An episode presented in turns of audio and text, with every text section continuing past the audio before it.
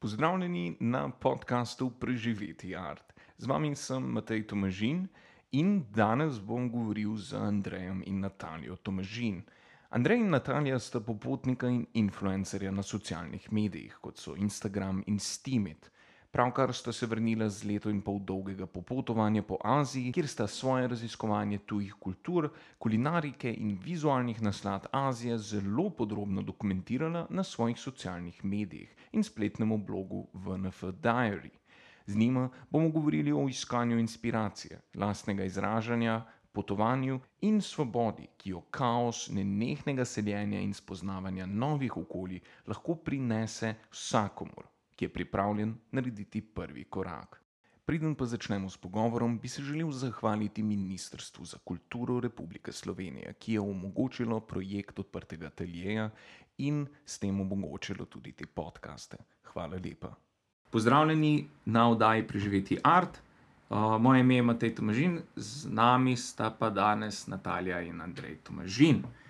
In danes bomo govorili o potovanju, kreativnosti, raziskovanju novih krajev in delno tudi o tem, kako uh, preživeti to potovanje, kako fantati to potovanje, kako priti do denarja, da se lahko to potovanje tudi nadaljuje več kot samo mogoče en mesec ali dva.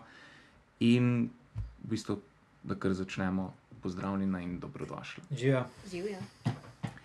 Zdaj, moje prvo vprašanje je to, kako sta vidva prišla sploh do te poteze, da sta se odločila, da sta skoraj leto in pol potovala po Aziji mm. in v bistvu to je neka taka večja odločitev, ne, ki jo veliko mogoče tudi sploh se ne bo odločil za njo. Videla sta se in me zanima, kaj je bilo ta vzgib. Dobro, no najprej pod prvo moraš imeti to voljo, bi rekel, v sebi, do potovanja, veselje do potovanja, raziskovanje nekaj novega, na kateri ne vidijo v tem nobenega izziva, tako da pač za, za tiste to ni. Kdor pa ima to voljo, bi pa rekel, da čim prej pejte ven, ker kar te kliče, te ne kliče za manj. Medva, zakaj smo točno šla na pot? Jaz sem sicer že prej potoval, uh, Natalija tudi. Uh, trenutno v tem stanju smo šla pa izključno iskanje neke nove inspiracije, uh, novih motivov, pa v bistvu tudi nek plan narediti, kaj naprej z življenjem. Pač prideš enkrat do neke točke, ko se moraš odločiti, kaj boš točno še fural, ali si si prav zastavil ali ne. No, in to leto in pol smo izkoristili, bi rekel, za raziskovanje tega in iskanje novih navdihov, se pravi, sveža sapa, evo, z moje strani. Pa v bistvu, ja, glavna ideja je ena želja po spremembi, ni pa um, to, da boš zdaj s pričakovanjem, da zdaj boš pa čist neka druga oseba ven prišla. Morš si vzeti kot izziv, če te mika, pač, če si zadovoljen, pa nima smisla. Ampak če bi pa nekaj več nove ideje, nove načine razmišljanja, pač spoznati drug svet je pa idealen iti čez mejo, ne? ker kjer si doma, ti je cona udobja in ko greš ven, je malo strašljivo najprej, valjda. Pač ne veš, nobenega ne poznaš, kaj če bo kaj narobe. Ampak povsod so ljudje, povsod in kdo rab. Pač uno osnovno pomoč, ki si izgubljen, ki ti gre kaj narobe, nekdo ti bo priskočil na pomoč. Ko ste pa začeli svojo pot? Uh, misliš, po katerih krajih? Uh -huh. Pa tokrat so se odločili bolj za Southeast Azijo. Mm, konec koncev svet je res da velik, ampak tudi sama država, čeprav je mehna, je velika. Že Slovenija, recimo, ne vem, koliko časa ne bom povedal, že živim tukaj, pa sem bil enkrat v Prekmurju. Enkrat v Tolminu v življenju, na Triglavu še nekdaj, tako da raziskati eno državo je časovno kar zahtevno, tako da naj in tempo je bil zelo počasen. Začela sva s Singapurjem, mm, bi rekel tako, ker oster štart, metropola, druga Švica, Azijska Švica, konec koncev, kar je tudi v redu za naj, da je bil tam prehod nekako uh, lažji. Potem sva šla naprej Malezija, sosednja država iz Malezije, Vietnam, uh, v katerega sva se vrnila, mislim, da še ne trikrat. Uh, iz Vietnama smo potem odšli na Tajsko, iz Tajske Kambodža, potem Malezija, Tajska, Malezija, se pravi, bolj kroženje v teh državah. Je pa v bistvu so trenutno samo te države. Uh, leto pa pol nam je vzelo, mm, raziskala sva, bom rekel, kar nekaj, ampak daleč, daleč od tega, kar še ponuja turizem tam, oziroma kar se da še videti, kar se da še doživeti. S tem, da recimo Tajska smo bila dva meseca tam, pa smo bila samo v Bangkoku. Uh, bila sem že enkrat prej sicer na otokih, ampak zdaj trenutno v tem tripu samo Bangkok, ki je sicer mesto hm, razsežnosti, kateri se sploh ne predstavljamo. Uh, ideje, potem nove kulture, oziroma ne samo nove kulture, še celo svojo kulturo vidiš tam na drug način manifestirano, zato ker ljudje se tam prilagodijo njihovemu okolju, živijo pa svoje stare življenje. Se pravi, precej so bila v stiku z ekspati, z ljudmi, ki živijo tam, ni važno ali že dolgo ali pa na sveže in res zanimive zgodbe, zanimivi ljudje. Tako da je inspiracijsko. Mhm. Zares bi posvetoval, da kdorkoli gre na potovanje, naj gre počasi, ker to je edina šansa, da res dobiš vtis. Srečali smo veliko ljudi, kateri so recimo v letu, dveh letih cel svet okrog dal, kar ni problem, našparaš tistih 15-20 tisoč evrov zase in greš. Ampak nisi ti doživel ničesar, spoznal nisi ljudi, niti pravega vtisa, niti prave hrane. Tako da pojete počasi, če boste šli in bolj da eno državo, pa temeljito, kakor tri. Čeprav je pa tudi tako, ne, ljudje smo si zelo, zelo različni. In eni, eni pač ne vem, z različnimi razlogi pridejo do tega, da pač se umaknejo doma. Po pa enim se mudi, ne vem, mogoče bežijo pred čim in pač letajo iz enega konca na drugega. Če se ti pa umiriš, ampak zraven tudi odpreš, da ti nekako usoda, se zgodi nekaj, kar se ne bi, pač glih stavka je, ki si tam, moraš iti drgem, ne dela se ti vse zaplete. Po pa, ko pogledaš tri mesece nazaj, pa rečeš si, pa se to moglo biti tako, ne. Prav neki red se vzpostavi ki ga niti ne vidiš drugače. Pač rutina ti je samoumevna, ne pa večja slika. V bistvu, ke sva pa nama se zelo pač počasi, ampak skozi nekaj takega, da te malo preseneti. meni je recimo tako v spominu, ne morem pozabiti, bila sva v Maleziji, se pravi muslimanska država, ke so prišli s procesijo. Bil je katoliški praznik in midva sva glih gor bila, sva pisala. In ni pa ni bilo konca, najprej so imeli bobne, pol ona procesija pa z Marijo tam, folk okrog. Pa ni bilo konca. Pri nas nisem videla še take procesije. Pa to je bilo v muslimanski državi. Pač in vrednote so druge in, kar se tiče umetnosti, Singapur je bil krasen. Ker stavbe so že sama umetnina. In ulice, ke so prav načrtno puščali drevesa in taka, ne vem, tristo let stara, res lepa. če si vzameš čas, imaš čas tudi za druge oči, druga opazovanja, greš parkat na isto mesto z drugo volo. in vidiš druge stvari.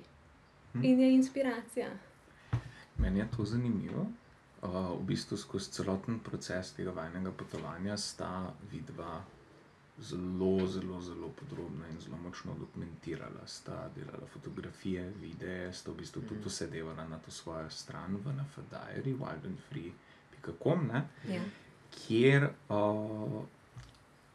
spet, ne, saj pravim, pač, primarno ta kanal, je namenjen neki, umetnosti, ki bi velikokdo pač razumel mogoče kot umetnost v, ne vem, smislu muzeja ali pa galerije, ampak konec koncev niti ni niti pod razno cilj raziskovati zgolj takšno umetnost, ampak je to zgolj ena izmed opcij, ena izmed oblik, kako izgleda umetnost. Meni je zelo zanimiva ta neka veliko bolj človeška, odprta sila raziskovanja, kot jo pač pri vama razumem, mm. kjer sta šla in raziskovati kulinariko, kjer, kjer ni v bistvu samo ne, uh, ok, jaz bom šel pa zdaj v galerijo in bo to ta mali krok doživljanja, ki ga bom imel, in to je vse, kar imam, ampak greš mm. v restauracijo, greš, uh, greš na plažo, greš v hotel in v bistvu me ta celoten. Celoten skop, celoten cikl stvari, ki ste jih počela tam, ne zanima, na kak način se je to raziskovanje skozi lečo, skozi uh, ljudi, skozi doživljanje, skozi vse druge aspekte spremenjalo tekom tega vajnega potovanja. Ali ste začutili kako večjo svobodo, ali se je kaj spremenilo? Ali... Uh, bom rekel, prišla smo mi dva kar precej že svobodna. Vse karte odprte. Ja. Uh, kar je mene presenetilo, je recimo to, da koliko malo je potrebno dejansko sploh za dobro fotografijo. Ker doma v tem okolju si pač vleten non-stop in je zadeva tebi samo umnevno, lahko bi bila pa pač neka huda fotka, ampak ti ni izziv, zato ker imaš pred nosom in si tega navajen. Medtem ko v tujini, v drugih kulturah. Uh, takoj bo šel pogledat, kaj je nek kraval in bo že zdrav, in ti bo zanimivo, ker tega pri nas ni, in lahko narediš dobro fotografijo. Tako da, ja, material, bi rekel, se ponuja na pladnju. Ok, zdaj jaz, če govorim kot ti z oči fotografa, ampak lahko tudi, če si ti, ne vem, recimo uh, muzikant, igraš kitaro, karkoli, uh, po vseh teh bi rekel, točkah, kjer se turisti, mladi, backpackeri, kakorkoli že zbirajo. To so vseh sort ljudi in zagotovo boš našel tudi nekoga, ki ima enake hobije kot ti, ki dela točno to, kar tebe zanima in se razvijajo nove debate, nove ideje. Uh, konc konca tudi novi projekti. Pač, mi smo tudi s tem, ko smo okrog hodili, smo iskali take ljudi, ki jih zanimajo to, kar medvo počneva dejansko tudi zato, da preživiš, oziroma si podaljšaš potovanje, prešparaš kaj karkoli. Uh, tako da možnosti se odprejo, uh, spremembe pa ne vem. No, pač delovna etika mora biti enaka kot doma in to je to. Si na počitnicah in nisi na počitnicah. Zdaj, hvala Bogu, pač moje delo je tako, da lahko to dvoje nekako upletem, ampak ne smeš pa tega zanemariti. Ustvarjalnost mora teči in teči. Je pa dosti lažje, bi rekel, nekje v nedomačem okolju to ustvarjalnost priklicati. Predvsem zato, ker pač na novo dojemaš neke stvari, katere so ti bile včasih vsakodnevne. Ki so njim še vedno, neki pa tam živijo, verjetno. So pa njim. Ja čisto, bi rekel, normalne, že sam obisk stranišča je lahko podvig za nas, v katerem bi lahko že napisal, bi rekel, članek, moje, ne, satiro, kakorkoli že. Pač ja. drugače, nimaš kaj. In ljudje smo drugačni, hvala Bogu. V bistvu, ja, sploh ni bil tako point, da bi se, kaj, se pravi, perspektiva spremenila, bolj je bil point, da, da ste tako pristopili do tega z odprtimi rokami, odprtimi očmi v iskanju izkušenj. Mm. In uh, kar se mi zdi pa tudi zelo zanimivo in zelo pomemben point, ki si rekel, ne, da mora biti delovna etika, delovna rutina vzpostavljena. Mm. Ker je verjetno zelo lahko pozabiti se in verjetno slejko prej pristati na točki, kjer ni več denarja, kar se vedno več vidi, yeah. Ja. pač, ker so vem, ljudje v lepih oblačilih, z lepimi torbami, mm. dragimi nahrbtniki na cesti, brez denarja, ker pač ja, ja. se nekje v Aziji ali pa nekje kjerkoli. Ja, to ja. so pa backpackeri. Ja, backpacker. ja. Tako, tako. Uh, ja, bi rekel, moraš biti pazljiv. Mm, konc koncev, kot sem rekel, ne smeš pozabiti, da ti nisi na počitnicah, never ending story. Ti si z nekim namenom, da boš uh, nekaj naredil na sebi, sej, lahko mogoče priješ samo do te točke, da vse skupaj predstaviš. Uh, pač v tujini, sploh Azija, z lahkoto dobiš kakršen koli, bi rekel, posel, službo, da kaj zaslužiš, ne vem, bodi si učenje angleščine. Uh, grafični dizajn, izdelava videov, kakorkoli kreativa se da prodati. Mm. Uh, sploh druge, zato ker si ti pa njim zanimiv, ker imaš pač drugačne ideje, druga kultura in oni vejo, da če tebe zaposlijo, boš naredil nekaj drugačnega, kot bi deset njihovih pač domačih. No, rekel, da boljše, slabše, drugačno. Je pa drugače. Kar je pa spet svoje, svoje, mislim, ena izmed vrednosti, ki je zelo pomembna. Ne. Absolutno. Pa se zdaj, ko govorimo ne, o, o tem monetarnem aspektu pač potovanja, pač treba je z nečim to potovanje plačati. In Mm. a, v bistvu bi tukaj najbolj, vprašal, najbolj rad vprašal to, kako sta. Sej neki si človek, verjetno že prišpara. ne, Ja. ampak Mm. Kako sta to stvar vzpostavljala in kako je to šlo naprej skozi leto in pol, na kak način? Mislim, najprej si moraš priti na jasno, kakšen je budžet, kakšne so razsežnosti. Tako da tudi veš potem, recimo, na kaj se boš nekje obračal, ker pač ja, leto, leto in pol, dve, kakorkoli je dolga doba, nekateri stroški so nepredvidljivi, zdravstvene težave, kakorkoli. Uh, ali pa ne vem, mogoče kaj dražjega, kot si si predstavljal. In konec koncev tudi ne šparaš, ker zato si tam, da doživiš te izkušnje. Uh, in ja, moraš se včasih tudi, bi rekel, znajti. Medva, pač jaz sem zagrabil, če bi bil kakšen mm, posel s strani fotografije. Mm, tudi ne za recimo denar, včasih tudi za prenočišče samo. Pač Mm, blagovna blagovna menjava menjava. je zelo priročna. Ne? Kar je, Pol, ja. jaz sem tudi angliščino učila. Mhm. Pa tudi tako, potem, če si ti mal na Facebooku, vidiš, imajo kakšne oglase. Pa Mislim, lahko, ne, pač belci smo tam bolj redki in ja, te lažje vzamejo. In potem so ekspat skupine, da pač se tam tudi išče, je zaposlitvena agencija delno, Mhm. ujameš. mislim, jaz bi pač vsem tudi priporočil, da v tujino grejo in si poiščejo delo, ker tako prideš ti v stik z domačini, v to okolje in naučiš se nečesa novega.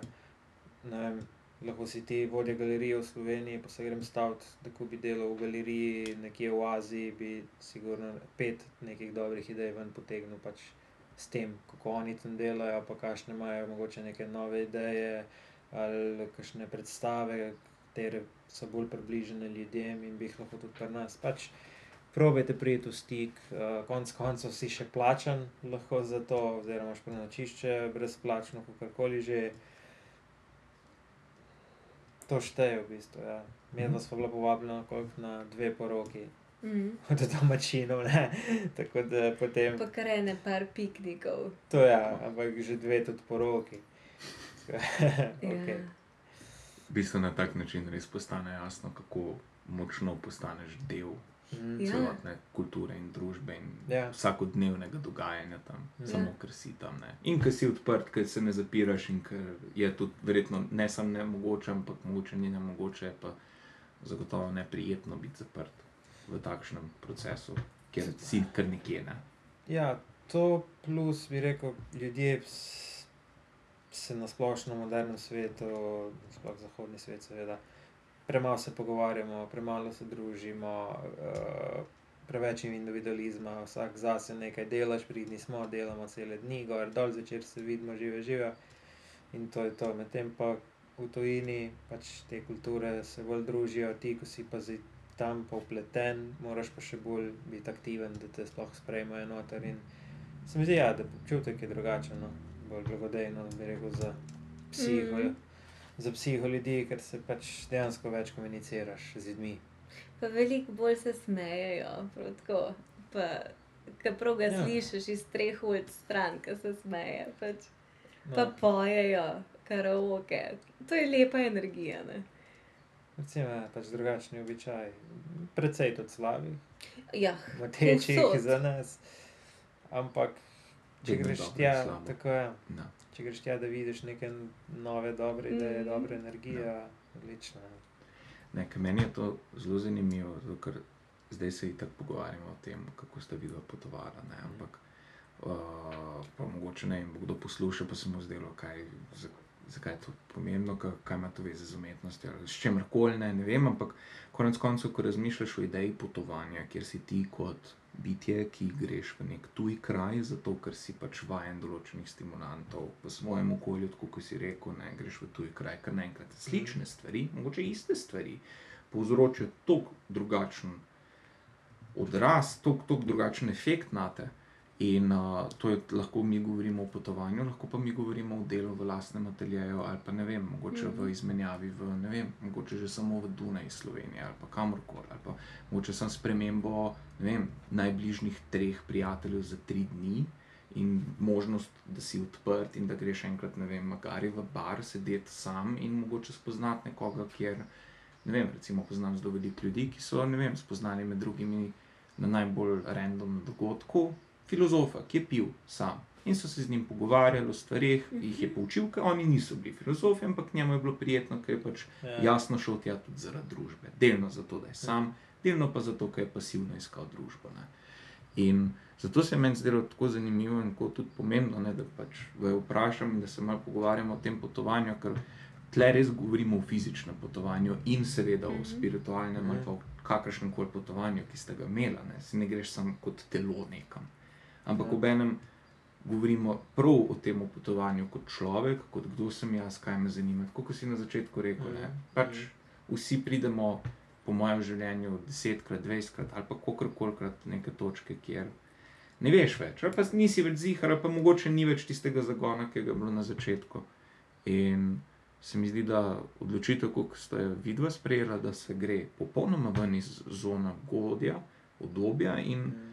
Pusti, da življenje preseneti, je ena izmed najlepših in najbolj iskrenih in najbolj efektivnih Ja. metod, Mm. kako spet nekako zanetiti nek plamen. Ja, Um, absolutno.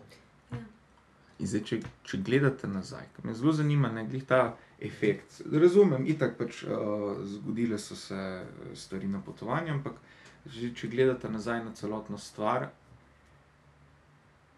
kaj bi rekla, da je najbolj opazno, da je ostalo z vama po vsem tem času potovanja, vsem času prilagajanja, ne veš, kje boš čez en teden ali kakorkoli ne. Kaj je najbolj ostalo z vama od tega procesa? Pa v bistvu se, niti še proces ni začel, nekako. Odkar sem prišla nazaj, je skozi neki protest, ne moreš izpodnirati dneva. Um, ampak meni je to všeč, tega, ker se ne pustiš udomačiti toliko, da si pasiven.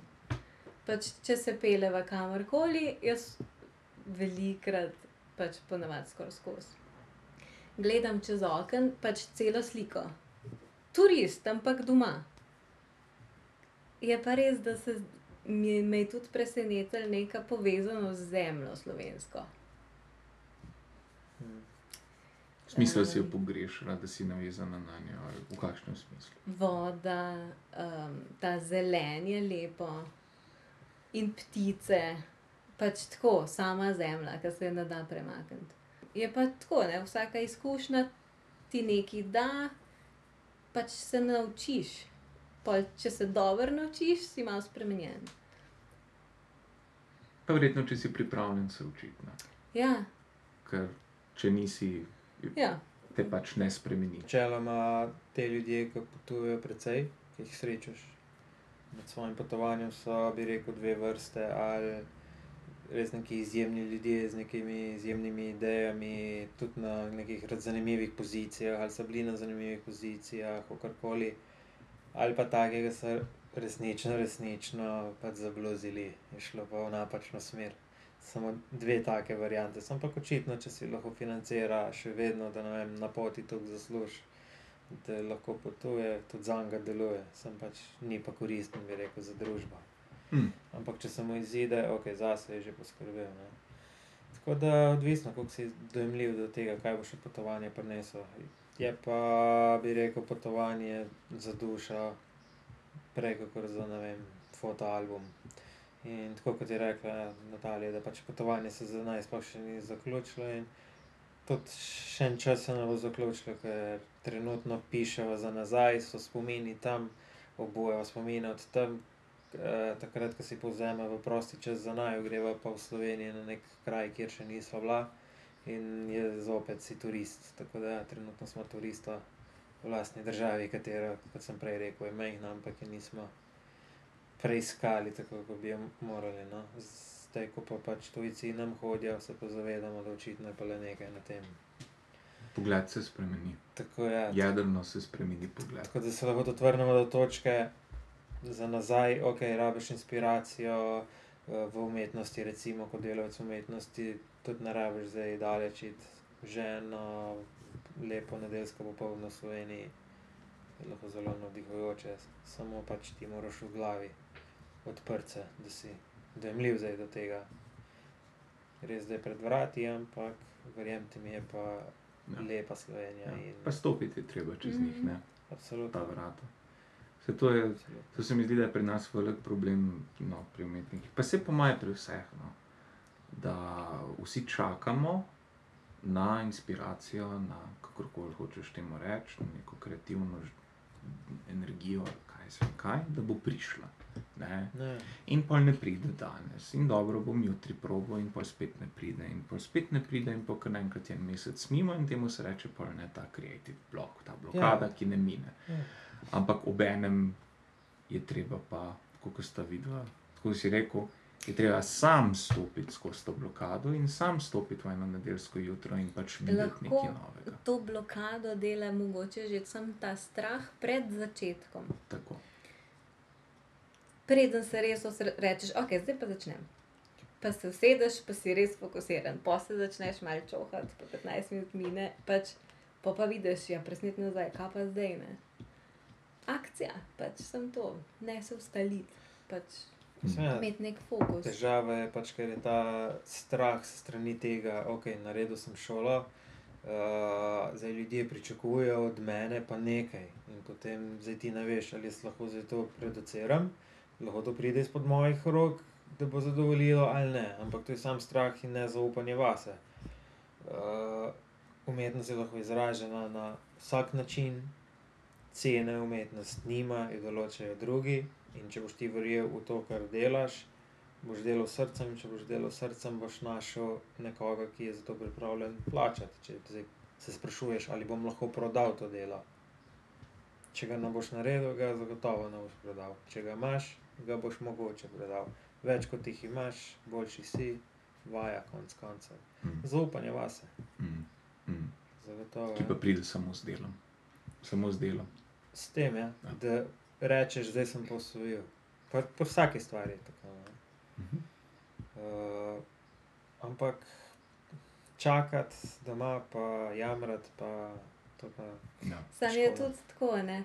Okolje samo ti vedno očitno pove svoje zahteve. Pač ne vem, so po obdobjih starosti, pa imaš fanta ali ne, pol imaš moža ali ne, pol imaš otroke ali ne. Pač ne vem, komu se prilagajati, ne. kdo je odgovoren za življenje. Ja, Vsak sam na nek način. Ja. ne. s tem, ko greš po tebi, se pač tudi ločiš od teh energij. Ne? Konec koncev, tudi če imaš ne vem, doma starše, ki ti skozi govorijo, kako moraš delati, ker ne bojo zdaj gor poklicali po treh mesecih, no, da je lepo pet danes spat. ne. Ja. Ja. Očitno s- nastane neka pauza, oziroma se prekinejo nekatere vezi. Dobro, se jih povezan si še vedno, so Ja. moderne tehnologije, ampak z glavo si ti pač druge, imaš druge Sam je Tako. tudi zabaven, kaj drug časovni pas. In pa kar malo pozabiš čez čas. Ja, ja, ja.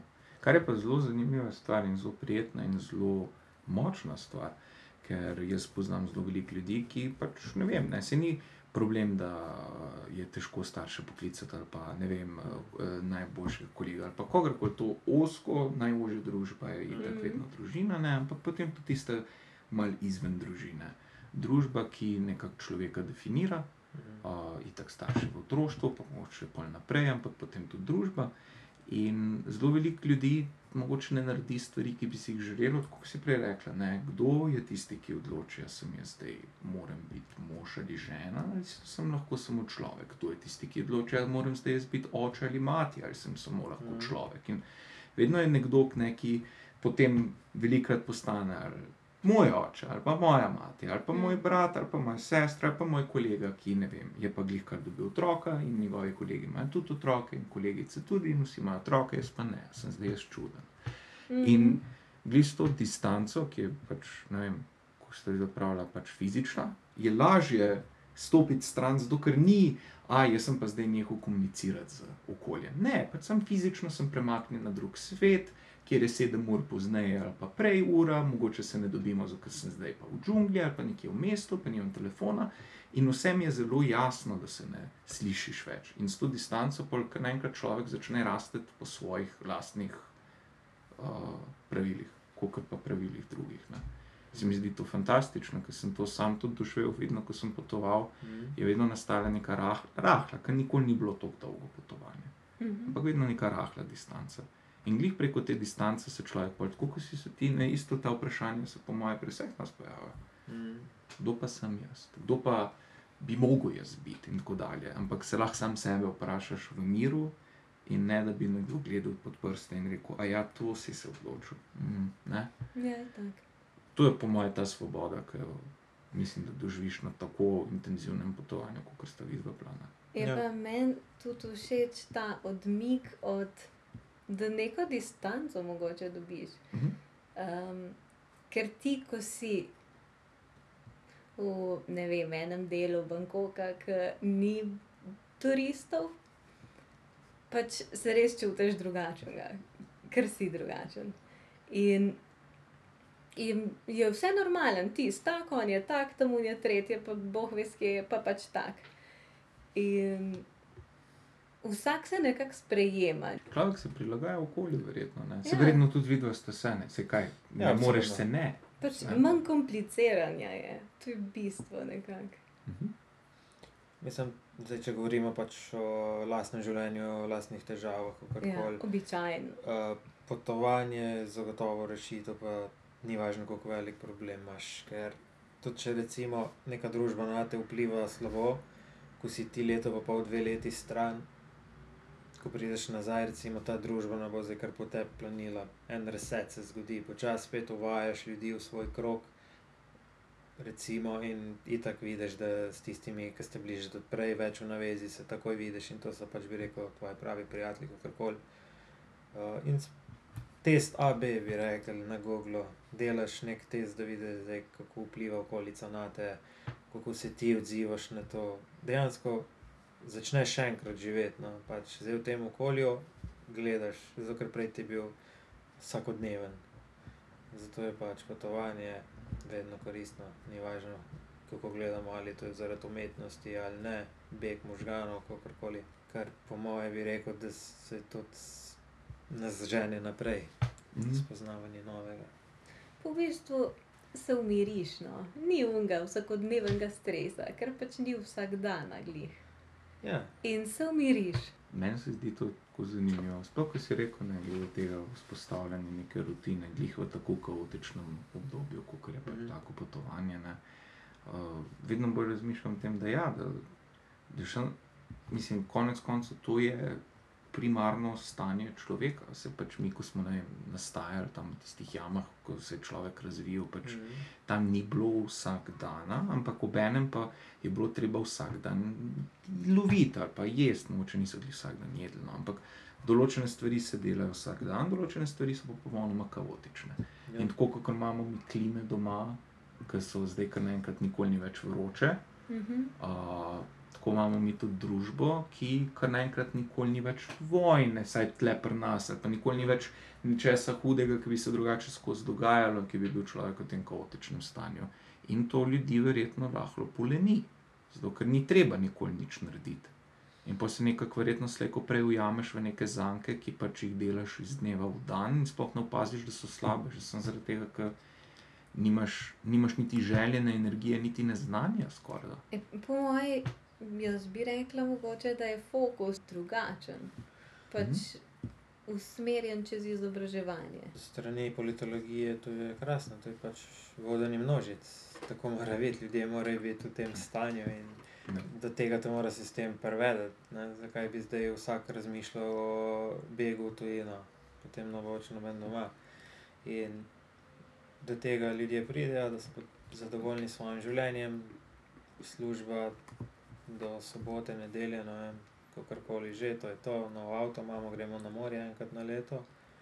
V redu, zdaj pač pa si v to rutino in ti si s tem zadovoljen, ampak so, bi se pa vprašal, ali si res zadovoljen, ali delaš svoj hobi, to, kar te res veseli. Naj bo planinarjenje, karkoli, ga delaš, ga ne, ti zmanjka čez za to, če si odgovoril, zdaj je nekaj narobe. Tako da, Mm. Je pa tudi pač potovanje te pripravi tudi do tega, da ti nimaš pri sebi vedno veliko nekih dobrin.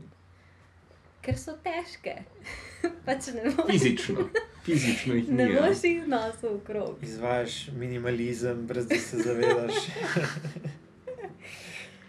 Pač ne boš pa tudi ne skozi pošiljal domov, ker, halo, Ja. zakaj pa bi? To ni PowerPoint, pa si šel na Ja. kvazi dopust, pa Nisi od doma dobivaš pa Ja. pakete, ne hrane.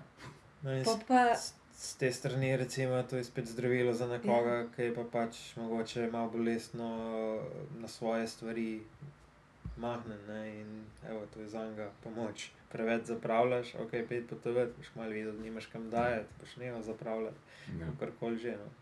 pa poleg tega je še to, ker ti hodiš po krajih, ki so turistični, ampak noben turist nima časa iti dva, dve ulici naprej. Tam se ti pa odpre mal drug svet, ne? pa kakšne smeti, pač vidiš, koliko je res za sabo potegne ta slog življenja, če imaš ti vse na dosegu roke v vsakem prostoru. Ko v bistvu vidiš, tako kot, kot turist, ne, ta Ja. tunel, ki Šov. se dogaja, vse je šel, okrog so pa support sistemi, ki pa niso tako lepi, mm. so umazani, so uh, premalo plačani, so otroki, otroci delajo tam karkoli. Ja. Ne, skratka, na tak način se pa veliko lažje soočiš in tudi raz, spet ne, spet je stopanje ven iz sistema, zato da se to tudi fizika sama, ne, Ja. kako v fiziki razumeti sistem, tako da greš v zaprt sistem. No. Da greš ven in pogledaš sistem iz zunaj na znotraj. Šele pa lahko, ko vidiš celega, razumeš, Mhm. kako sploh deluje. Ja. In to je točno to, kar ne, se zgodi, se mi zdi, ko človek pač stopi kamorkoli, fizično ali pa sem pač ne vem, mentalno. Bi pa Fuful na to vprašal. Uh, glih ta, ne, ta minimalizem, to malo stvari, na kak način je izgledalo to uh, sodelovanje z, ne vem, uh, ali je to zdaj izmenjava dobrin, ali je to mogoče kdo, ki je plačal za storitev fotografije. Na kak način sta pristopili, to sem nekaj, kar se organsko zgodi, na ne vem, slučajno se spozna nekoga, ali sta to tudi aktivno iskala, ste že prej imeli kaj pripravljeno? Mislim, ja, pač neke klijente si ti sam iščeš, to zagotovo noben ne bo zdaj kar za tebe prišel.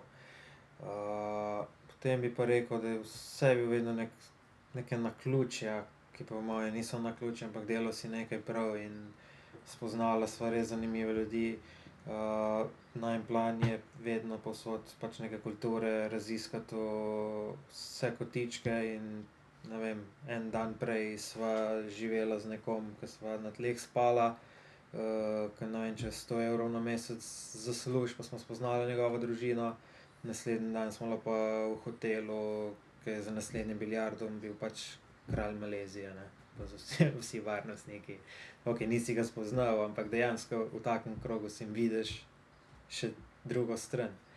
In moram reči, da pač to te uh, prevede tudi do nekih novih kontaktov, pa ni važno iz katerega, ali revnega ali bogatega sveta, odkud imaš uh, korist. Če povem, pač kot umetnik se bo zatekel v revni svet, v narekovajih, kjer se bo uplemenito, kjer bo nekaj dobrega napisal, kjer bo dobil neko idejo, potem bo prišel pa v ta svet bogatih, fejkaš, oziroma imaš vedno nasmejan obraz in prodaš zdaj to svojo stvar, misliš ti pač svoje. Sej ni pa vse za pač posploševati, nekateri v tem bogatem svetu verjamem, da niso prijetna družba, ampak spoznaš pa tudi precej zanimive, prijetne, prijetne ljudi. In ravno to je pač največji plus potovanja, mreženje, imamo kontakte res zanimivih, prijaznih ljudi, tudi obiske dobiva v Slovenijo, prijateljstvo nova in dejansko vrata odprta za naprej. Če misliš nekaj delati, ne vem, na področju še drugih držav, kot sem v Sloveniji, tako se dela mreženje preko prijateljev. Nekdo pozna nekoga in ja, ravno zaradi tega smo res spoznali zanimive ljudi, potem tudi kakšno naročilo si dobil za neko delo, ke ga sploh nisi pričakoval. Ne vem, podobno, kot sva midva, za najino poroko načrt naredila prvi dan na potovanju, ke kjer sva se zaročila. Tam je bila Ja. pač najina fotografinja, Slovenka, na Sosedje v potovanju. sosednjem apartmaju in smo imeli že dogovorjeno za fotografijo. Da, Ja. to je to, najdeš človeka, ne. Kako nasprot sonca. Ja. Ne, ja, Kaj je božič na kaj je sonca? božič. Tri slike mi je pokazala, meni pač je tako jasno, ok, v redu je, smo že dogovorjeni. Ne, ne, si morate tudi doma malo pogledati, dobro, kar datum zapiš. In ja, tako spoznaš ljudi, bi rekel, ne. Premikaš se, ker v tej točki, kjer si ti, ne bojo prišli. Pa tudi če delaš recimo v takem okolju, si pa rečeš, aha, ok, jaz pa zdaj vodim galerijo in prej ko slej bom spoznal nekoga, ko bo pa hotel od mene kaj več, kakor samo, da mu razkažem to galerijo, pa bo videl, ne, nekaj v meni. Ja, mogoče, ampak mogoče ne v tem okolju, si ga že stestiral. Če si že štiri leta tukaj, pa se ni noben javil, očitno zdaj ta ne bo pristop pravi. Ali ti se premalo pokažeš, ali pa pač ni zdaj tukaj zate izziva, ne, bi moral drugam iti. Iskati moraš, Variacije. variacije, prilagajanje. Mhm. Se mogoče pa ne vem, samo v Avstriji bi našel pa neko galerijo, kjer bi se enako zaposlil, bi pa ideje bušile na dan, oziroma tudi možnosti, kakorkoli. Ne vem, ne. Doma pač probaš, jasno, tukaj se učiš, ni pa nujno, da je tudi to najboljše zate. Sploh zdaj, kjer je svet res tako povezan, da realno imaš Ja. možnost samo Ja. stopiti nekam stran in si kar naenkrat. Informacije Ja. dostopne, uh, pač tudi služba dan danes je lahko skoraj vsak, ne vem, digital, turist, pač delaš nekaj nadaljavo, kakorkoli, oziroma prodaš to, kar znaš.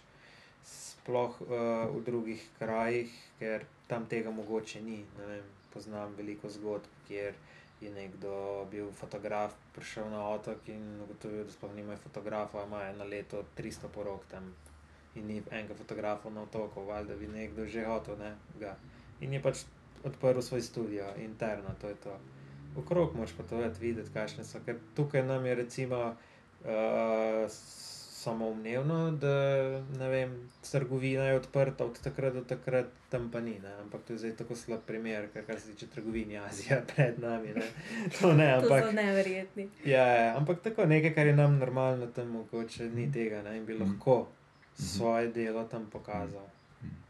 Ne, to je top, mislim, že sam celotno razmišljanje, ne, kaj, kako se nekako umetnik obnaša v svojem okolju, pač sistem, v katerem smo, nam Mhm. diktira na nek način, kako se moramo obnašati, kaj so naši problemi. Ne. Tako kot si rekel, zdaj. Mhm. Ne vem, jaz v Sloveniji se zagotovo ne bom obadal s tem, zakaj naše zdravstvo ni v redu ali pa ni zaston, zato ker smo pač svetlobna leta pred zelo veliko drugih držav, Ja, ki ja. pa ne vem, Amerika pač je vse samo pličniško še vedno, oziroma zelo, zelo Ja. velik del. Ne.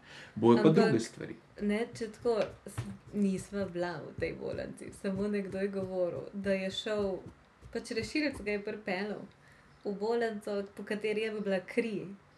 Po tleh in on je imel nogo, neki se je pač motor, ne motorjem sreča. pa odprta rano in tam po tuji krvi pač hodil in skoraj padel, ki je šel na WC. Tako da ne, ne, je v redu. Ja, ok. Ja, tako pač zelo jasen primer. No. Pač standardi so drugi. Ne? Tako, tako. In, in, in, in, in glej ta sprememba, kjer pač vstopiš v drug sistem, ker mogoče celo, jaz mislim, da ne glej to je velikrat stvar, da ljudi, ki jih nekaj zelo zanima, pridejo mogoče do neke točke, kjer postanejo zelo dobri v tem. Ampak spet, če je okrog tebe tisoč fotografov, pa si ti zelo dober fotograf, Mhm. si zgolj eden izmed teh tisočih dobrih fotografov in se pol zelo, zelo težko razlikuje med najboljšim, pa srednje najboljšim, Mhm. mislim, prvi, drugi, tretji, kakorkoli pač ne. Uh, razčleniti to hierarhijo. Mhm. Ko si rekel, si pa ti na otoku, kjer pa ni fotografa, je pa ogromno povpraševanja, pa je to ta če, popolnoma osnovna enačba pač povpraševanja in ponudbe v ekonomiji. Ampak če ni ponudbe, oziroma ja, pa če je ogromno povpraševanja, je dovolj že, da si ti samo tretji najboljši fotograf ali pa samo zelo dober fotograf. In imaš tudi možnost pol rasti kot fotograf, če je to tvoja želja v okolju, ki te podpira. Absolutno.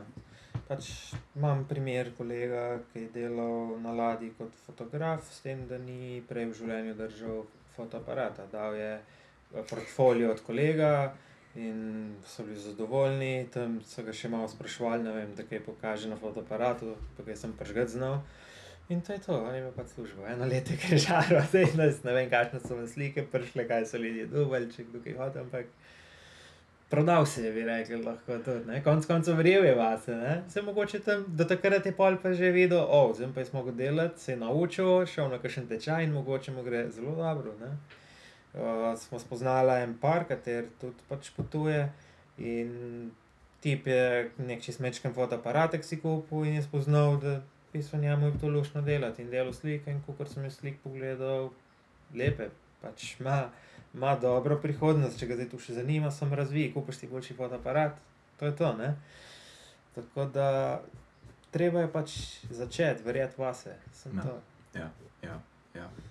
Pa Absolutno. mislim, prodati ali pa ne prodati. Jaz mislim, da je glih to največja stvar. Ja, da ti, odvisno je spet karakterno. Ne? En bo res rekel, da je najboljši car na svetu po življenju, ni opreme v roki držal. Ja. Drug pa mogoče, da ne bo, ampak bo pa vseeno vzel, se prijavil na job, čeprav bo vedel, da ni čist najbolj tam. Ampak uh, se mi zdi, da je to ne. Zelo veliko ljudi, ki jih poznam, ki pridejo na tako točko, kjer kar naenkrat dobijo neko odgovornost, kar naenkrat dobijo to Mhm. službo ali karkoli Mhm. ugotovijo, da so sanjali, da so nekdo, zdaj pa morajo biti ta nekdo. In jih okolje spravi do tega, da oni skočijo, namesto da bi šli počasi, oni skočijo, ker morajo skočiti. Mhm. In se bo v dveh mesecih naučil to, kar bi nekdo tri leta na akademiji fotografije mogoče rabo. Pač res, Absolutno. spet tak ambivalenten primer. A, Ja. Akademija fotografije je nekaj drugega, ampak spet ne. Tehnično izvedba določene fotografije terja določen čas in znanje in energijo. Da to. se naučiti, absolutno. Že, vem, programskega jezika v enem letu bi se ga že naučil. enega, ne. Vse se da naučiti, samo voljo, voljo in pač verjeti vase. Zdaj pač stalno se vračamo na prodajo. Jasno, to je tvoj cilj. Če želiš s kreativo živeti, če hočeš živeti, moraš nekaj zaslužiti in zdaj moraš to prodati. In če ne boš verjel vase, če ne boš inspiracije vedel, kje poiskati, to je lahko doma, kot smo prej rekli, pač ti bo težko. No. Mm. Verjetno kdo se bo znašel, ampak precej teže. Ampak meni je tudi zanimiv percepcija časa. Še nikoli se nisem bolj zavedala, kot zdaj. Pač tako hiter, kar ura pač nekako skoč. Kar pomeni, pol, če se oprneš spet na vprašanje, kaj je zdaj to, ali imamo v redu fokus, ali un, tret, pač predvsem imaš tudi tako te pele čez delo samega sebe. Ne? Zelo lažje odkrivaš Ja, kaj sploh si, kdo si, kaj se dogaja okrog sebe. Uh -huh. o, se to, mislim, že sam kot neka navezava, ne, ali zdaj bodi si na vprašanje denarja ali pa vprašanje identitete. Se mi zdi, da sta ta dva vprašanja zelo povezana. Konec uh Mhm. -huh. koncev, jaz vem, da na začetku, ko sem jaz začel prodajati svoje dela, sem jih prodajal neverjetno pod ceno in jih ne bi rabo. Ampak samo zato, ker nisem vedel, koliko sem vreden, ker nisem verjel vase, bodi si zato, ker nisem vedel, kdo sploh sem.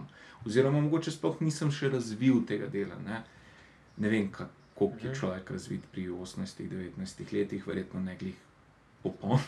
Ne? Ja. Pač, tako da, uh, ampak ob, obenem pa zagotovo tudi ni bilo razumevanja. In uh, se mi zdi, da ko enkrat začneš raziskovati vprašanje ali vrednosti ali pa identitete, se nekako začne to prepletati in na slejko prej prideš na to, vse do nek funkcionalen odgovor na oboje. Ne glede na to, si začel eno ali na eno ali na drugo. Mhm. In uh, spet, to je pa, kako razumem, najbolj pomembna glih ta stvar. Ne? Stopiti ven, pogledati in ugotoviti. Ne? Uh, mi je zanimivo, kaj ene študije tudi pravijo, da pač ne samo, da se spremenjamo kot uh, naše razmišljanje in naše dojemanje, ampak naša telesa se spremenjajo. Mhm. Beljakovine v človeku, ki se ne bi aktivirale, se aktivirajo samo takrat, ko se človek pojavi v nekem novem okolju, kjer imaš nove impulze, kjer so drugačna delovanja sistema, v katerem si, kot si vajen, in se tudi ne samo mentalno, ampak fizično človek spremenja. Mhm.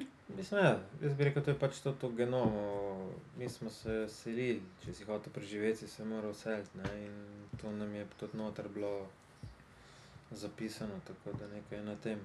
Vsak bi rekel, se sigurno počuti svobodnega, ko gre nekam stran. Sej, to je že tudi ta teden Hrvaške, ne? vsako leto, čeprav mislim, da počasi se bo zaključilo, glede na cene. Ampak to je to, je to, To ne, je to, to ja. je to. Vse to je to, kar ljudje govorijo, ne, da smo Mm. ljudje preživeli samo zato, ker smo najbolj prilagodljiva bitja. Mhm. Ob enem pa zelo veliko ljudi, vsi na nek način, ampak zelo veliko ljudi zelo intenzivno živi zelo neprilagojena, oziroma sploh ne spremenjajoče se življenje. Pač vse je isto, zjutraj služba, zvečer služba. Mhm. Malo jesti vmes, pol pa kako televizijo pogledati, ali pa tudi ne, mogoče kdo knjige bere. Ne gre se za to, da so to ljudje, ki gledajo televizijo, ne, ampak gre Ja. se samo za konstantne rutina. rutine. ne. Ja. Ja, In se mi zdi, da to že sam človeško ne paše, ne telesu, ne duhu, ne ničemer. Ne. Ja, ja, diverziteta, ne mišice Tako. imamo, folih ima telo, ne. Včasih, ker ti ne veš, kje te boli presnet. Ja, ja, Od kje ja. je tle mišica? Ja, in, in, in tako kot imaš tle mišico, imaš mišico tudi v duši in v možganih, Ja. na rekovajih. Se ne moreš vedeti, kje boli, če nisi razvil nikoli te mišice. Ne. Pač sam boli. Pa še um, ti, ki pač fizično te neka lekcija nekaj nauči, ne vem, vidiš kačo, pa se ustrašiš. Pač neke beljakovine, ja, drugač telo malo zalaufa, nek šok je dugo. Mhm. Uh, pa lahko rečemo, da to te tudi naredi, da pač rasteš. Vsekakor, Pač izkušnje nekako te usmerjajo, pot peljejo, nekako tako. Ja, se nikoli ne veš, kam bo šel, Ja. pač tudi, ker nisi isti človek več na koncu. To. Ne. Kar je super, zaradi tega, ker zakaj bi pa mogla pač nekje se ustaviti? Pač kje je fora. Ja. Kje? ja, Kje? Jutri, a je to to, pa pol prideš do tja, pa si bi lahko še malo več, ne. Se nikoli se ne ustaviš, ne. sem na koncu vidiš res, da si sam sebi pač največji sovražnik. Mm. Pač tega premagati je pa borba, ne. Ja. Pa Vse so posem izgovori, pa nimam časa, nimam denarja. To so dve variable, katere se potem samo izkorišča za izgovarjanje. Ni važno, če veliko delaš, se pravi, verjetno imaš denar, ampak nimaš časa, samo na nedeljo bi si ga pa lahko vzel pa z družino, recimo preživel, pa se gre ven nekaj pojesti, pa kakšen kulturen dogodek pogledati, kakorkoli že, ali pa po Sloveniji izlet. Tega pač ni, ne, ker ljudje smo zmozgani in potem za tisti vikend se pa počmo dol. Dobro, če se bo še kakšna druga dela okrog hiše, vikendi pa tako je pa še spet delo in izmozganost do konca. Ampak to je vse samo zaradi tega, ker nismo znali zoptimizirati. Pač na neki točki bi se lahko ustavil, potegnil žrtvo, če tako nadaljujem še 20 let, kaj bo z mano, ali greš v klobase, ali boš še tukaj. Mm. In če bi te to optimizacije naredil, če ti je izgovor denar, ok, potem pa naredi optimizacijo, pa pej to brunarco živeti, pa prodaj hišo, pa zemljo, pa boš bolj živo. Nared, samo ta korak moraš narediti. Če pa čas, je pa še lažje. Pač ta denar tako vloži, da dobiš toliko, da boš ti lahko preživljal prosti čas. In ne vem, da si zarečeš 4 ure od ponedeljka do petka na dan delam, karkoli že delam. To je to. Je pa pa- treba delati to, da pride človek do tega mesta. Ne. Ja, Ampak ni pa nedosegljivo. ali pa, kot sem rekel, optimizacija. Se mogoče ti si že na taki točki, ki bi lahko rekel, pa se jaz do konca življenja več ne rabim delati, ne? ampak imaš neke želje večje, bi imel pa isto jadrnico, kot mogoče nek prijatelj, ne? zdaj to stane pa ne 300 tisoč, moram pa še več delati. Ne? Ampak če vidiš, da na tvoje zdravje, a, oziroma na te ne deluje to delo najboljš, če doma je premalo časa ste skupaj z družino, kakorkoli spoznavanje nekaj nečesa novega, če zmanjkuje časa za to, za kreativo. Očitno nekaj ne delaš prav, je bilo potrebno, ne rečemo temu optimizacija, življenjska optimizacija, če se dan danes vse tako optimizira, če je Amazonu ena stotinka, kako se stran hiter naloži vredna par milijard zgub, je očitno vse na optimizaciji in življenje je treba zoptimizirati. Je pa tudi res, da pač ljudje smo si različni in ne veseli vseh isto. Pač hvala Bogu, ne. Ja. Tako da ni vedno isto, ampak je ja. Ja. pa vedno cilj, pa tako že rekel, ne optimizirati. Sam- Ampak ugotoviti, kaj pa je za me to, kar si Ja. ja. želim. Ne. Ker pač nekateri lahko uživajo v delu, pač ga ne vidijo kot delo, je del življenja. Pač on to dela, ker ga veseli. Ali pa ona, se je vseeno. Mislim, ja, ali ima pa tak hobi, da mora delati, da si poplača hobi, kar ga veseli. Ne? Ampak še vedno, če bo toliko časa mu ostalo, da bo zdaj ta hobi on skoriščal, odlično. Zdaj imaš jadrnico, če ti tako všeč, moraš na leto biti na njej, ne vem, dva, tri mesece, če nisi, škoda, da rineš v to smer. Ne? Mhm. Si raj nek pa drug hobi, ne vem, ali pa manjšo jadrnico, ali pa sposodiš si jadrnico, pa takrat res uživaš, recimo. Ne? To se mi zdi, da je zelo lep primer. Ja. Res. Sploh ta ideja hobija, ki nikoli nisem razmišljal o tem. Mm. Mm. To je tako, mislim, res imaš prav, ker po eni strani, čeprav se mogoče čudno sliši, mogoče velikomu, ki bo to poslušal, ampak zelo veliko ljudi, ki je v umetnosti, je hobi umetnikov, ne zato, ker bi bili slabši ali pa karkoli, ampak samo zato, ker niso tako zagnani ali pa ker nimajo istih ciljev. Mm. Uh, ker si pač samo želijo nek prostor, v katerem uživajo. Tako kot Tunka dela makete z letala, ali pa ko ne vem, karkoli, kleka. Kar, karkoli te sprošča. Tako, tako. Ampak po drugi strani si pa zelo veliko teh ljudi vseeno želi profesionalno živeti od tega. Mhm. Obenem pa ne vložiti ja. nobenega dela v to. In, in nekako ne gre to Mm. dvoje skupine, ker ti moraš biti pripravljen delati, zato da lahko živiš od nečesa, ne samo uživati ali pa iskati sebe ali pa karkoli, kar si- so sicer čudovite stvari, niso pa, niso pa za nekoga, ampak so samo zate. Ja, pa bom rekel, nisi naredil zdaj pa tistega koraka. Ne? Ti si imel službo, si prišel domov, zdaj lahko si nekaj naslikal, ampak ti tega zdaj tebi ni, ali boš preživel ali ne boš. Če bi naredil pa ta korak, zdaj pa iz službe več nimam, zdaj sem pa jaz profesionalni slikar. Aha, ok, zdaj pa jaz zraven začel slikati, pa tudi kaj bom gor dal, oziroma kakorkoli že. Ne?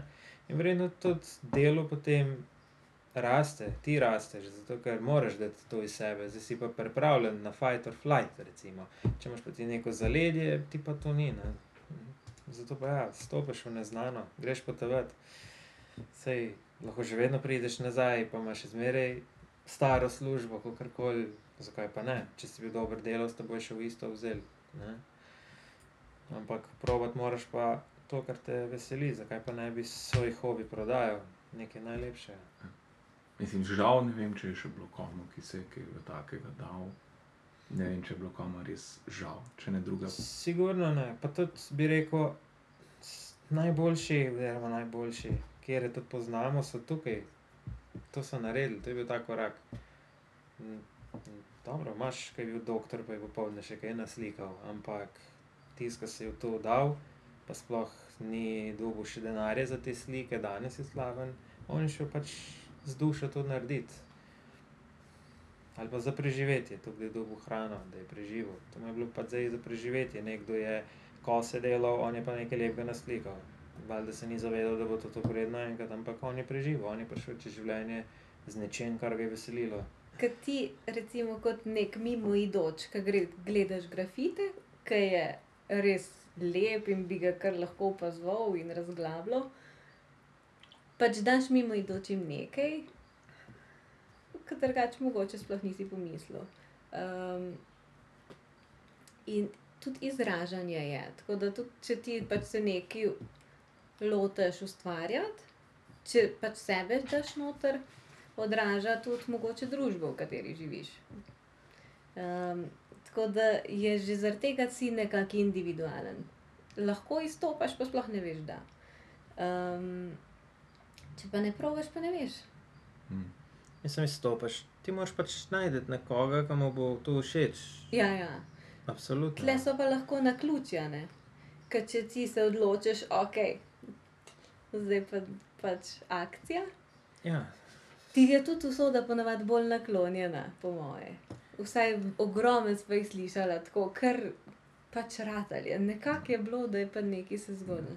Sem, meni se jih to zdi najbolj tako, ker po eni strani se sliši ima ta nek čaroben, ne vem kaj, ne, trenutek, Mhm. kjer ti usoda, potem se odprejo vrata Mhm. kozmosa in kar naenkrat Ja. zmagaš v življenju. Ampak ljudje so delali nekaj, kar jih je veselilo. To verjetno delali večkrat na dan, ali pa Mhm. večkrat na teden, ali pa kaj se na kak način, večkrat kot če ne bi delali kaj, kar jih veseli, Mhm. z večjo intenziteto in z večjim veseljem, in večkrat verjetno tudi govorili o tem, pa se z več ljudmi družili zaradi tega, ali pa kakršen koli način, vedno je bilo več Ja. nečesa. Seveda, da je Ali- bilo pol več od tega. Ne? Pa lahko tudi spoznajo pač partnerja. Sam, mi dva, ki smo šla v dvoje, pač skozi skupaj, Hm. pa samo en drugega mastane. Kar je meni, se mi zdi, da je ena Lep izmed zelo lepih izkušenj, kjer imaš vedno neko podporo v tem kaosu Mhm. in kjer tudi en drugega še, verjetno še bolj spoznaš, ali pa še na drugačen način, ali pa se še bolj povežeš, pa bolj prilagodiš, ker konec koncev pač obstajaš v tej dvojini in tako je. Ne? Jaz Mm. vem, da tudi mi, ko smo s punco potovala, jaz vem, da ko sem bil v Franciji, je bila ena Grkinja tam, ki je bila sama. In mi smo se družili, sicer smo se zelo prijetno razumeli in je bilo su vse super, ampak ne glede na vse, ona je bila sama vsak večer, ko je šla spat in je tekom časa razvila precej močno tegobo po domu. Pač. Mhm. Ne vem, vse smo si odrasli ljudje, ampak konec koncev neka jedrna samota, kjer se vedno vračaš vanjo, ne glede na to, če je čez dan super, pa si v družbi, To je drugačna. Ne? Mhm. In uh, je treba biti precej močen kot človek. Ne govorim, da ona ni bila, ampak mogoče je bila to njena prva izkušnja, ali ni bila vajena, ali pa karkoli druga. Ne? Ampak Mhm. moraš biti močen človek, da si lahko sposoben Ja, živeti v absolutno. tej samoti. Ki pa ni vsak, mogoče pač ni sploh vprašanje moči, eni pač sam niso narejeni tako, ne, da ne bom zdaj Ja, ja. rekel, ta je pač ne, Pač ne, šibek. Ne to. paše vsem isto. Tako, tako. Eni so bolj povezani s svojo družbo, eni je pa rabijo manj. Mhm. In mislim, da ni pravega. So pa tudi odgovora kakšni, tle. ki se pač spoznajo, pa se res zaštekajo. Ne? Zanimivo je pa to, da se pa oni recimo ne vprašajo, v kakšni družbi sem pa doma, kakšna kvaliteta imam pa doma in potem, ko bi dali vse na papir, bi videli, da je 2% kvalitetnega druženja, ostalo je pa v službi si, ali se pa pogovarjaš z enim neznancem, zato ker se moraš, da dobiš denar. To je to, prideš pa domov, je pa ne vem, 2 odstotka ali pa s prijatelji, marsikdo. No. Uh, in tega v tujini pa ni, ti pa tam moraš, moraš tam komunicirati z drugimi. Ne vem, greš lahko v kakšen hotel, se boš zagotovo z nekom tam podružil, poštekal zgodbe tvoje, moje, pa si ti sam prišel, kakorkoli že. Spoznaš nove ljudi, komunikativen si. Doma pa tega ni. No, zdaj pa ta punca, če pač ni znala komunikacijo vzpostaviti, bi rekel, s tujci. Jaz vem, da če bi bil dlje časa na enem mestu, bi si našel tam neke prijatelje, lokalni krok, kakorkoli. Tudi zaradi tega, da vem, lažje prideš čez, imaš nove informacije in da ti ni valjda dolg čas, da se dogaja. Medva, ajde, smo imela en drugega, ampak tudi, s, ker smo imela vsak dan natrpano nekaj novega pogledati, tja ali tja, en hotel, gor, dol, bi rekel, potem tudi toliko na dom ne misliš, ker časa nekaj zmanjka. Ko se pa spomniš, bi rekel, je pa res tisto kvalitetno, no, se spomniš in se slišiš z domačimi, kakorkoli vsi pri stvari, veš, da se pogovarjaš z domom. Ker recimo doma smo doma, pa se pogovarjamo z drugimi, pa sploh ne znamo kvalitetno izkoristiti ta čas. No. Bi rekel, zdaj, ko smo nazaj prišla, imamo pač s prijatelji, z družino, stike bolj, ne vem, bolj tople, pristne, kakorkoli. Mm. Pač- Siguren. Vidimo se mogoče manjkrat, ampak res kvalitetno. No. Ampak tako, v končni fazi pač ljudje smo socialna bitja. Če ne drugače, pa pač prek spleta, še zmeraj se nekako družimo, radi Absolutno. klepetamo, pač lahko brez veze blebetamo, ampak pač z nekom, nekam smo zapisali. Tako da druženje je zmeraj, mora biti. Ker drugače, kaj si v nekem svojem balončku. Ne, se tudi zdravo ni, ne. Vse smo narejeni, smo bili kot socialna bitja. Ja. Takšni smo po naravi. Pa tudi un balonček ni, vedno te neki pač vrže stera. Pa pa če si bolj upleten, je bolj zabaven. Ne? Dobro, je pa za kreativo, je to pa super, osamljeno. je Ja, ja. Saj Kakšen imaš krajši čas. Ne? Ja, mi dva sva ga imela, sva šla na en otok, sama sva pač hodila. Okay, Tukaj govorim, či sam sam. A ja, ok, valjda. There's no us.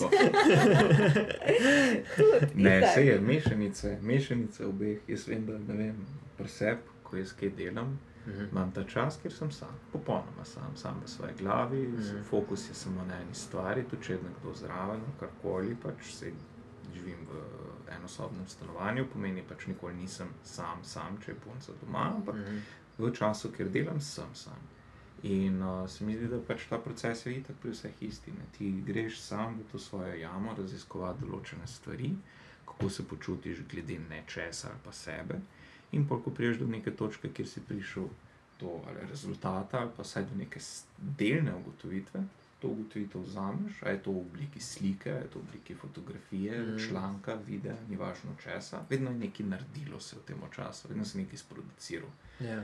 In pol to pokažeš. In potem vprašaš ljudi, jaz se tako počutim, Mhm. a se ti tudi, Mhm. kaj pa ti meniš. In meni se zdi, da obe plati tega procesa so neizmerno pomembne. Ne? In vsak, ki zanemarja eno ali drugo, se slejko prej pač znajde ali v ne vem, nepovezanosti s svetom, ali pa v depresiji, ali pa v kakršnem koli drugem ne, neekvilibriju, Ja. emocionalnem ali pa bistvu- mentalnem. Umetnost je vedno nekako, pač izhaja iz popolne subjektive. Ne? Tle ni objektive. In pač mi odraščamo nekako v objektivi. To pa to je za to ceno, to pa to toliko stane. Pač tako je. In malo smo zgubili stik s sabo. Ne? Vsekakor. Pač ti nimaš časa biti ti pa nekako tiho. Um, ena punca je govorila, so šli za sedem dni ali deset dni pač v tišino. Ja, če se sam s sabo malo ubadaš, imaš Pol ure imaš dosti. Ja. dosti. Ne, se študiram sedem dni, jaz pomazan norijem. Pa, pa pač sem tako, precej ok, sem sam sabo. Mislim, do one točke, kjer si lahko zavestno, ok, verjetno Ja. se ne vem, kaj dogaja podzavestno, pač, ampak psihoanaliza bi kaj druga naredila, ampak tako en teden, fuk. Ja. Čeprav jaz ne vem, po moje se ne more biti tako hudo. Sam ne vem, sploh si ne predstavljam.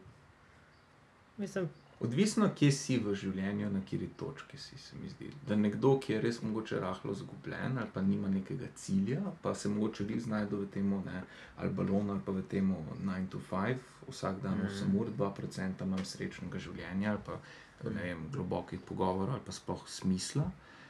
Tak si predstavljam, da mu zelo veliko lahko naredi teh uh, sedem dni tišine, ki Ja. realno te prisili, da se ustaviš in razmisliš, in zagotovo niso prijetni. Zato, ker Ja, noben tak in pa prehod nobenih aparatur, ne. Ja. Ti Tako, si tam tako. in to je to. mislim pa, s tistim se začneš ukvarjati, kar si dajo na stran, ne? kar si Tako. potlačil, s tem pa se nočem zdaj ukvarjati. Zdaj pa se, ker si tam in zmanjka ti misli. vem. Bil sem 3-4 dni uh, v kolibi, sem kar ne sam in začneš razmišljati, pač, če kaj ćemo pa zdaj še, zdaj knjige nimam, nič nimam sabo več. In ja, začneš nekaj razmišljati o sebi in prideš do teh tem, katere se iz, mogoče skrivaš pred njimi. Tako da ja, smo socialna bitja, ampak rabimo pa tudi svoj čas. Celoten point je, ne, ne bo nikogar strah, treba se vreči v brezno. Ja. Je to Azija, ali je to Nemčija, ali pa je to Ali pa sosedova Ali pa samo Slovenija. krčma, kamorkoli. Pa v bistvu ne za denar v prvi vrsti, ne. ampak Zagotovo. pač ja. za izkušnjo. Najdi tisto, kaj te žene, če nisi našel, ali pa najdi voljo potem, da bi to, kar si našel, kar te žene, realno naredil. Najdi Ja. tisto spremembo, ki jo v tistem trenutku v svojem življenju rabiš. Kot ste rekli, vsi smo drugačni, ne? ampak ne, vsak pa rabi nekaj, zato da bi prišel tja, kamor si želi. Razen tisti, ki so pač zadovoljni s tem, kar imajo, kar pa je Ja. tudi kul. Cool, Kar je pa super. težko reči, da poznam koga, ki bi bil res zadovoljen. Čeprav vsi pravimo, da smo. Ne? Ja, pač verjeti vase, Uh, zaupati si postaviti, tako kot si prej rekel, eno ceno si pač postaviti, zdaj to si ti, toliko se, si se začel ceniti, kako koli že, ampak enako je pri vseh stvareh. Ne vem, naj se bo to dober kuhar, on bo povedal, koliko zdaj ta njegova kreacija stane, on prodaja svojo kreacijo, oni so tudi umetniki svoji.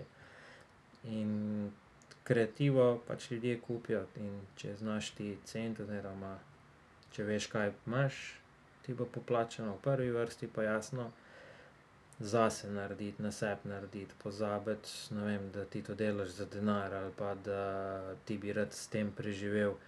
Ti moraš prijeti v ta svoj flow, uh, razčistiti pred sebi, kaj bi točno rad in zdaj ta dela ven dajati. Takrat boš pač sebe imel kot umetnika rad. Pa se v končni Ja. fazi sem to, a uživaš ali ne. Ja. Pač, a Ja. si obdan z ljubeznijo ali pač ne. Saj sem to je bistvo vprašanja. Pa če si upaš priznati, da če ne, Ja. da res tega ni in kaj lahko narediš za to, da bo. Mm. Mislim, to je to. Ja. Zdaj, če uživaš v nečem, ti je že poplačano v prvi vrsti, denar potem je pa sem še bonus. Ne vem, vse moja prejšnja služba, od tega, da je bila slaba, plačana, bila solidna. Samo jaz nisem v tem več užival. In bil sem še zmeraj eden izmed najboljših, zato ker imam te navade, pa ker sem to usvojil. Ampak vem pa, da če bi jaz to delal srcem, bi bil še osemkrat boljši, oziroma bi bilo to to. Pa ni bilo zate. Za nekoga Ja. drugega mogoče bi, ne? Mi je bilo odlično kot neka izhodna deska, da sem prišel do te točke, da sem se osamosvojil, da sem šel okrog potovati, pa začel nekaj novega.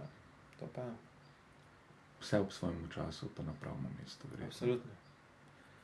Hvala lepa za vajen čas. Hvala. Jaz Hvala za povabilo. Ja. Jaz upam, da boste uživali v tem pogovoru, oziroma ste, jaz sem. Uh, pa vam res hvala lepa, Andrej, Natalija. Hvala. Nako.